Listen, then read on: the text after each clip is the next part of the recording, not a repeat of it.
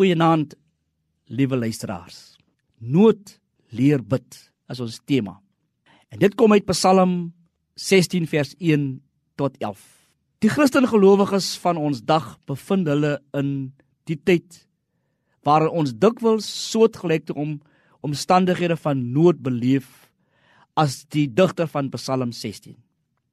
By beide Christen en Ou Testamentiese gelowiges is daar 'n passievolle drang om die teenwoordigheid van God te beleef vir beskerming en rigtinggewing?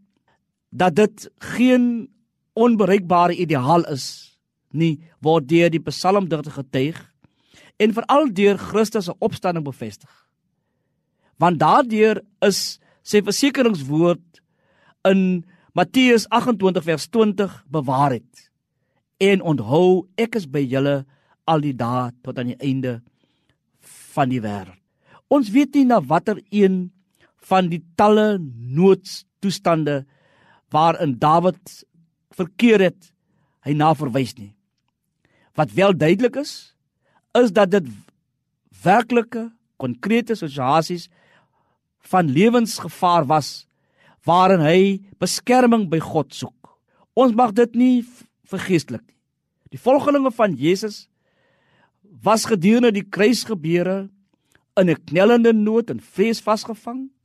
Daar was werklike lewensbedreigings en wesenlike gevaar van geloofsverlies.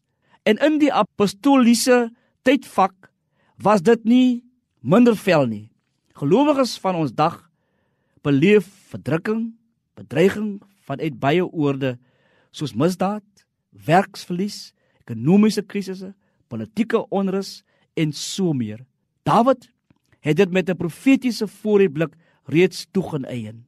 As hy gesê het: "Ek is veilig, ek word beveilig deur die geborgenheid en die deelagtigheid deur die opstanding van Christus Jesus." Die volgelinge tydens die kruisgebeure het die opstanding beleef en aanskou. Die gelowiges het dit ervaar in die feit dat die opstandingskrag van Christus Jesus vir hulle help om vorentoe te beweeg in geloof en in vertroue. Want die Here se teenwoordigheid by die gelowige is 'n gegewe van sy kant.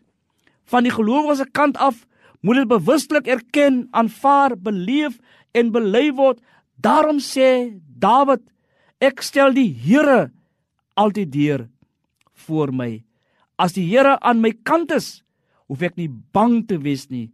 Kan hoef ek nie bevrees te wees nie. Kan ek in my nood ook na hom toe kom.